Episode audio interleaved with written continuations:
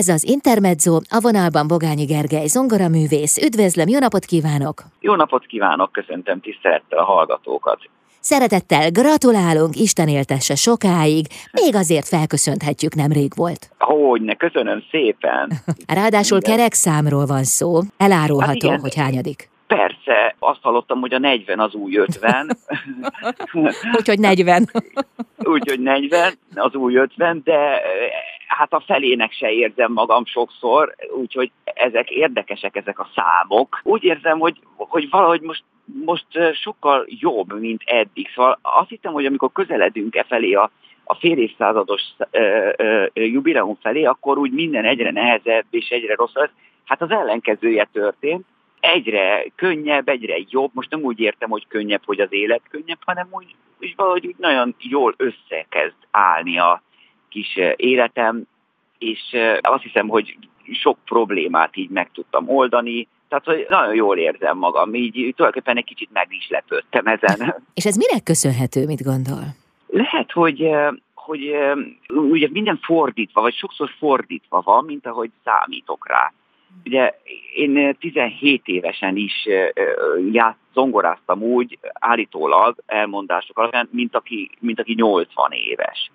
Meg egyébként emlékszem, ilyen nagyon kicsi koromban, tehát tíz éves körüli voltam, amikor, amikor úgy éreztem, hogy hát ilyen nagyon, nagyon mélyen megérintettek zenék. Tehát ahelyett, hogy úgy történt volna, hogy az ember gondolja, hogy akkor kisgyerek az kicsi dolgokkal foglalkozik, utána majd egyre nagyobbakkal, hát nálam nem így volt, hanem így, így rögtön így jöttek ilyen, ilyen, ilyen bombák, ilyen zenei nagy megélések és azok a mai napig egyébként abszolút meghatározók. És hogy ezzel kapcsolatban az idő múlása az nem úgy történik, tehát a lelki életben, vagy a zenén, zenében, a hangokon túli teritoriumban egyszerűen az idő az nem úgy múlik, mint ahogy egyébként a naptár szerint. És ez velem is így történt, hogy, hogy nagyon nagy lelki élményekben, utazásokban, egyébként nehézségekben is volt mélységekben, volt részem egészen fiatal koromban is, és akkor tényleg úgy tűnt, hogy, hogy olyan nagyon, sokszor úgy tűnt számomra, hogy olyan nagyon öreg, idős, megélt, ilyen sok-sok tapasztalattal, már hogy lelki élménnyel gazdag, gazdagon, és akkor az egy nyomás volt. És most pedig valahogy ezek, a, ezek az élmények, ezek a mélységek, amik sokszor ugye egyfajta egyedülléttel, nehézséggel, súlyossággal párosultak, most ezek valahogy olyan a helyi, helyükre kerültek, vagy, vagy, vagy legalábbis úgy érzem, hogy ezek nem olyan nyomasztóan hatnak rám, mint, mint régebben. És az miben nyilvánul meg, hogy azt mondta, hogy a felének sem érzi magát, tehát az ötven felének? Hát egyébként tényleg, tehát...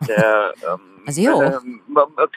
Nem tudom, abban nem vagyok biztos, mert így a környezetemből néhányszor hallom, hogy hát igen, megint sikerült tinédzser módra viselkedni, vagy, vagy gondolkodni esetleg, vagy tehát nem biztos, hogy a szó rossz értelmében, csak hogy hogy egyszerűen lehet az is, hogy nem komolyodtam meg a szónak a, a skolasztikus értelmében, hogy így kell, így szokták, hogy akkor most már most már 40-en vagy 50-en felül ö, már akkor nem szabad ezt csinálni, azt csinálni. Szóval ezt még így nem érzem. Úgyhogy ilyen értelemben nem sikerült ö, talán ö, megkomolyodnom. Lehet, hogy ezért van az, hogy, ö, hogy úgy érzem, hogy ez, ez csak egy szám így közben. De hát nem feltétlenül kell ragaszkodni a társadalmi sztereotípiákhoz, sőt, hát művészként meg egyébként sem. Igen, én is úgy gondolom, én is inkább ilyen frissebb és újítóbb uh, szellemiségű vagyok, vagy voltam is mindig. És szerintem a társadalmi sztereotípiák bizonyos értelemben jók és fontosak, de vannak olyasmik is, például mint egy zeneműnél is, hogy hát így szoktuk, ezt így szokták, és akkor ha most is így kéne, és lehet, hogy az az így szoktuk, az csak valami miatt úgy rárakódott egy zeneműre, és az eredeti tisztasága az, az sérül. És ezt a típusú sztereotípiát nem szeretem. Zenében is, ösztönösen is tiltakozom az ellen, hogy hát így szoktuk, meg így kell valaki szerint, vagy valakik szerint. Én pedig nem azt nézem, hanem inkább azt, hogy hogy tud megújulni, hogy tud az eredeti szépségében megjelenni valami, és egyébként ezért sokszor újszerűnek vagy frissnek hat, fiatalosnak hat az, ami, ami hát sokszor például a zenében ugye hát kicsit így be, beépült már mondjuk a köztudatba valamilyen rossz berögződés. Az életben is, hogyha ilyen, ilyen, ilyen monotonszerű berögződésekkel találkozom, azok, azok ellen automatikusan így tiltakozom. Mm. Tehát így lelkileg is, meg, meg fizikailag is. Mm. De hát egyébként is a művészet lényege a szabadság és a szabad önkifejezés. Igen. Persze, de ugye ugyanakkor a művészetben a szabadság, vagy a szabadosság kérdésköre is nagyon föl szokott merülni, mert a szabadság az manapság sokszor öncélúságot jelent, meg ilyen, ilyen önmegvalósítós dit. És a művészetben, az előadó művészetben, ugye most elősősorban arról beszélünk, az előadó művészetben az az előadó művész egy közvetítő. Tehát ő neki nagyon uh, szigorú határokon belül van csak mozgástere. Ugye azt értem ez alatt, hogy egy zeneművet valaki már megkomponált egyszer, és azt újra előadni csak abban a közegben lenne szabad, ahogy azt ő egyszer elképzelte, annak a mentén. Tehát, hogyha mondjuk játszom egy gyászindulót, akkor azt én önkényesen nem változtathatom át, eh, mit tudom én, manók táncává, mert attól az még nem lesz az. Mm. Tehát, hogyha én azt csinálom, akkor én tévedek és az, az nem megengedhető. Az a fajta szabadság, úgymond. Tehát, hát saját zeneműveknél nyilván egészen más a helyzet. Persze, saját zeneműveknél egészen más a helyzet. Ugyanakkor egy saját zeneműnél is, hogyha én mondjuk írok valamit, akkor valamit azért elképzeltem. Tehát az nem lehet, hogy én magam is, vagy valaki más azt önkényesen teljesen másképp játsza, mert az már valamilyen. Hmm. Tehát azt én sem tehetem meg, hogy mondjuk önmagamnak ellent mondok. Azzal, hogy odaírok azt, hogy mondjuk, mondjuk moderátó, és akkor tempójelzés szintjén, és akkor elkezdem interpretálni adagio tehát egy sokkal lassabb tempóba. Tehát az nem megy. Hmm természetesen, a, úgyhogy ez a, ez a fajta szabadság azért egy kényes, kényes terület, kényes kérdés. Uh-huh. Na, még erről majd beszélgetünk, amikor túl lesz ezen a jubileumi nagy koncerten. Én azt hiszem, hogy még a mostani szólóest is ebbe a sorozatba tartozik, hiszen ugyan megünnepelte már a Zeneakadémia nagy termében ezt a születésnapot, de azt hiszem, hogy egy jó darabig ez még azért kitart, nem? De, én is így érzem, lelkileg feltétlenül. Ah. Tehát a, eleve az a formátum, hogy most ugye zeneszerzőként is bemutatkoztam Budapesten, egyúttal, hogy zongoráztam is, meg még más dolgok is voltak, a Pannon Filharmonikus Zenekar fantasztikusan játszott a testvérem vezénye, tehát összetett koncert volt ez, új elemekkel gazdagítva, és nekem nagyon sokat adott, úgyhogy valóban még kitart a hatása. Uh-huh. A 40 az új 50, ezt megjegyeztem. A műpában lehet majd a koncertjét meghallgatni jövő szerdán. Jövünk vissza, folytatjuk a beszélgetést. Vendégem Bogányi Gergely zongoraművész. Az Intermezzo vendége Bogányi Gergely, zongoraművész, aki ebben a hónapban ünnepelte 50. születésnapját a Zeneakadémia nagytermében. Ugye itt zeneszerzőként is bemutatkozott, most pedig a műpában újra nagyszerű programmal várja majd a közönséget. A zongora sorozat következő hangversenye lesz majd ez. Hogyan készült erre az eseményre? Mi lesz repertoárom? Hát igen, um, az egyik kedvenc zeneszerzőm műveiből is fogok játszani. Az utóbbi években uh, tulajdonképpen kizárólag Csajkovszkit hallgattam, illetve hát persze a kötelezőkön kívül, amikor szabadidőm volt, mert valahogy az ő zenéjét fedeztem fel most az elmúlt négy-öt évben újból magamnak, és nyilván ő azért elsősorban zenekarra komponált, és zongorára keve, kevesebbet, ugyanakkor zongorára is vannak gyönyörű kompozíciói, és ezekből fogok játszani 24 mini remek művet, ugye a gyermekeknek sorozatot.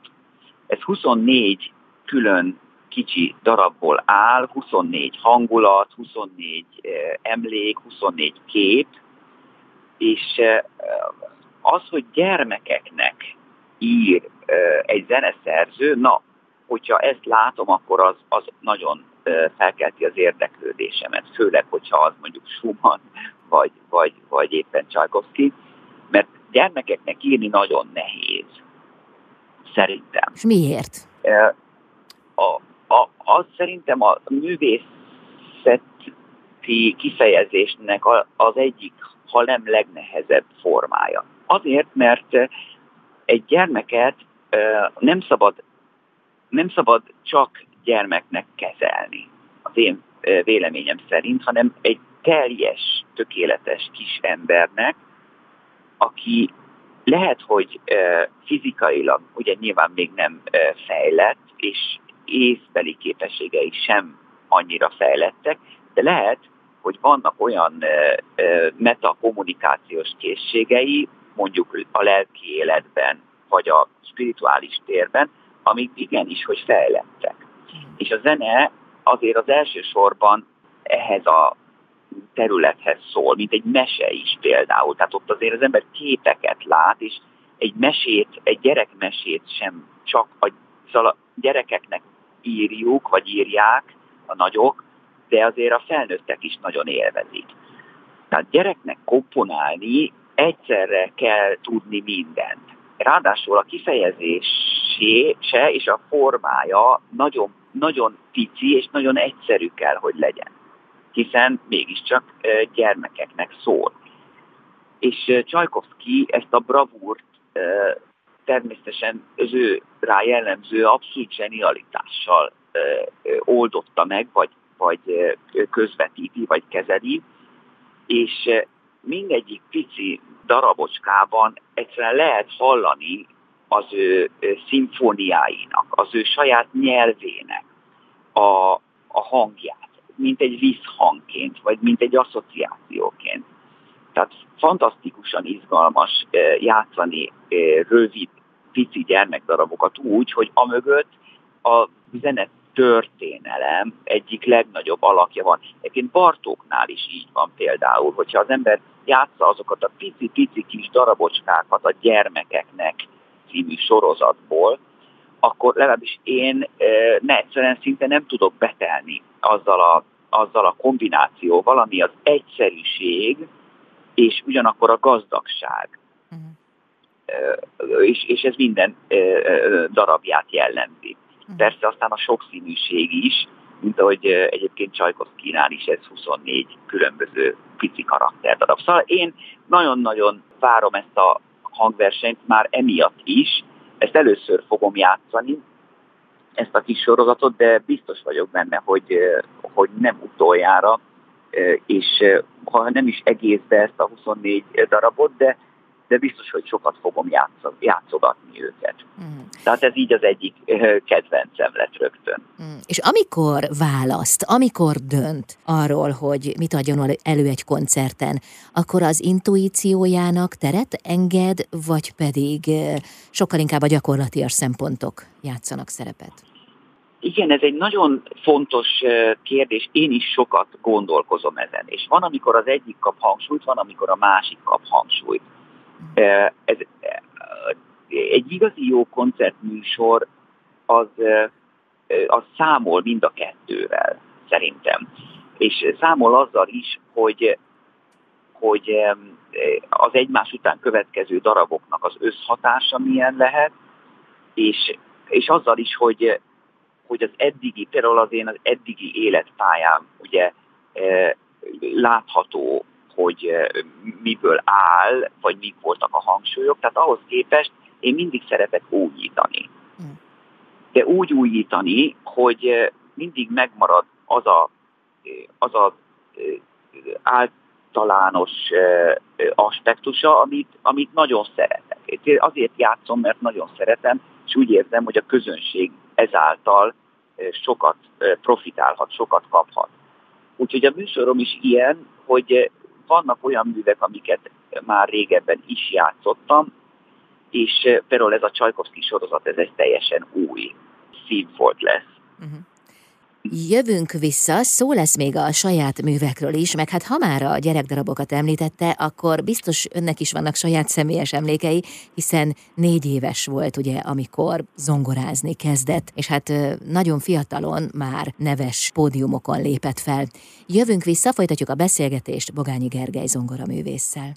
Az Intermezzo vendége Bogányi Gergely, zongoraművész, akinek szólóestse lesz jövő szerdán a műpában. Hát ez a szólóest, ez még valahol a jubileumi koncerthez kapcsolódik, hát jubileum alatt most az ön születésnapját értem, de az is érdekes, ha már így az évekről beszélgetünk, és arról, hogy hogy hogyan viszonyul ön a gyerekdarabokhoz, hogy ön mindössze négy éves volt, amikor zongorázni kezdett. Persze igaz, hogy a zenei tehetség nagyon korán megnyilvánul, és általában fiatalon, ilyen nagyon korai gyerekkorban érdemes mindezt elkezdeni. De önnél mindez hogy indult egyáltalán? Természetes volt, hogy óvodásként zongorázni tanul?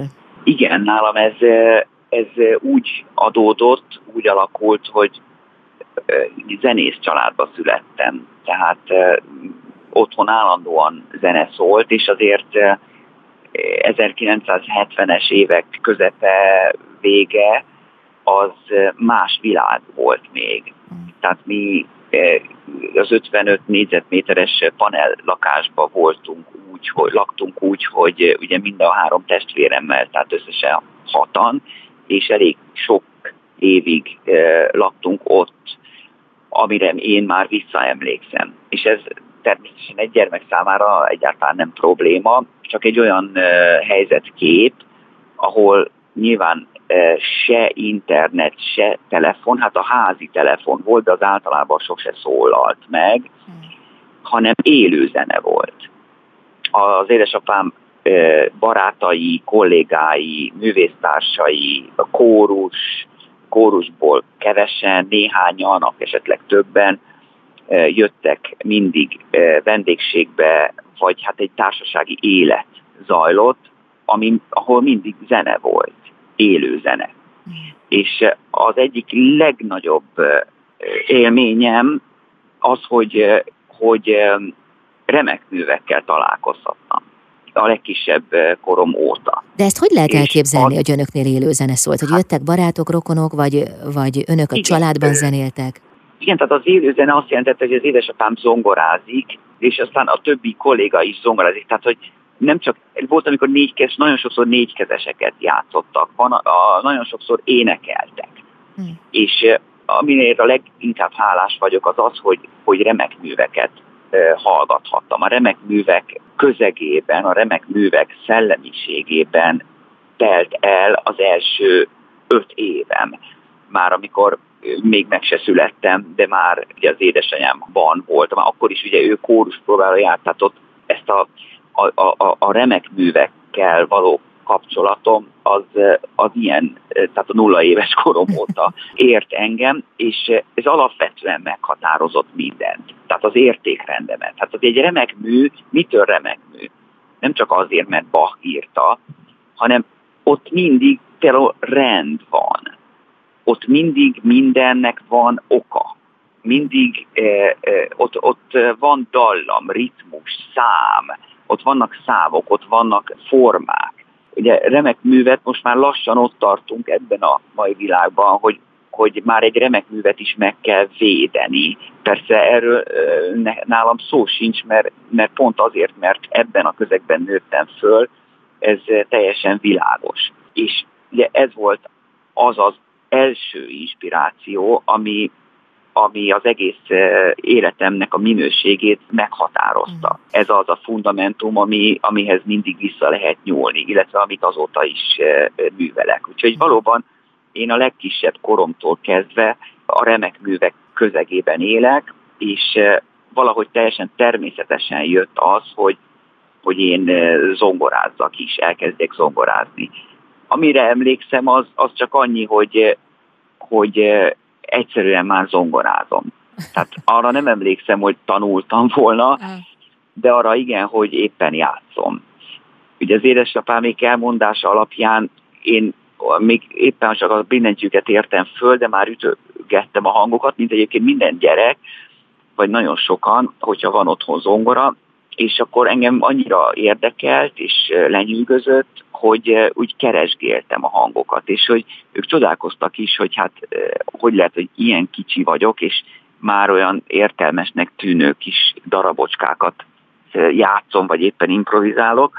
Tehát engem ez az egész közeg nagyon, nagyon foglalkoztatott, nagyon lenyűgözött, intuitív módon, és hát így, így kezdődött az egész, így alakult ki a, a, az, hogy tényleg nekem ez az életem, ez az életem célja. És nem, nem elsősorban az, hogy magam játszak, az természetesen vele járója, hanem az, hogy, hogy mindezt mindenkivel megosszam. Uh-huh. Tulajdonképpen azt lehet mondani, hogy egész életében ezzel foglalkozott, ez volt a központban, hiszen, ahogy mondta az előbb, még emlékei sincsenek arról az időszakról, amikor nem zongorázott, annyira fiatal volt. De hát akkor is nagyon fiatal volt, amikor felvették önt a Zeneakadémia előképző különleges tehetségek osztályába. Tíz éves volt. Ott mi történt önnel? Hiszen ott egyszer csak szervezett keretek közé szorult a, a zeneoktatás. De ez bizonyára óriási szárnyalást is jelenthetett. De ön hogy élte meg? Igen, mindenképpen. Én mindent nagyon korán, és abban a, azokhoz az viszonyokhoz nézve, mérve, minden nagyon korán és nagyon extrém módon csináltam. És tényleg ez a, az akadémiai előkészítő dolog is extrémnek számított, és tehát a, a, meg a darab tanulásom is, tehát hogy én nem is nagyon emlékszem arra, hogy tanultam volna nagyon darabokat abban az időben, hanem egyszerűen csak játszottam, illetve tudtam. Ez annak is köszönhető, hogy, hogy olyan érzékeny hallással születtem, hogy, ezek nekem nem voltak nehézségügyi. Tehát nem, nem összköztek nehézségbe, hogy valamit eljátszak hallás után, akár akár komplexebb darabokat is, mert nekem az könnyű volt. Tehát ez nyilván nem az én érdemem, hanem ez csak egy, egyfajta, egyfajta adottság, vagy egyfajta igen, hát inkább hát talán képesség. adottság, hogy uh-huh. képesség, igen. Tehát ezek nem volt, nem volt nekem, tehát nekem, nekem az volt a furcsa, hogy mások nem hallják például azt, hogy ez mondjuk jó zene vagy rossz zene. Vagy hogy az, az, az, az volt egy kicsit furcsa, mert azt hittem, hogy ez mindenki számára egyértelmű, hogy ez egy cisztúr akkord mondjuk. De e, például az abszolút hallás kérdése is ilyen, hogy én csak később értettem meg, hogy, hogy nem mindenki hallja ugyanúgy. Önnek ez volt a furcsa. A többieknek igen, pedig nekem... az, ahogyan ön viszonyult a zenéhez. Ta, igen, talán igen, tehát furcsák voltunk egymásnak. Ez egy jó helyzet, innen lehet nagyot ugrani. Köszönöm szépen, jövünk vissza, folytatjuk a beszélgetést itt az Intermedzóban Bogányi Gergely zongoraművésszel. Ez az Intermezzo, vendégem Bogányi Gergely, zongoraművész. Hát könnyen indul ám annak az év, aki rögtön születésnappal kezd. Január 4-én ünnepelte 50. születésnapját, bocsánat, miket beszélek, 40-et, hiszen ugye a 40 az 50. Akkor volt egy nagy sikerű koncert a Zeneakadémia nagytermében, de ez az ív, ez folytatódik, hiszen a szólóescse lesz jövő szerdán a műpában. Ezt követően hogyan alakul majd az év, milyen koncerteket lát előre, mi az, ami már tervezhető, mi az, amit még nem tud, ugye arról annyira nem tudunk beszélni, de gondolom, hogy az év második Igen. fele lehet az, ami még egy kicsit ködösebb. Igen, nagyon gyorsan beszokott telni minden hirtelen.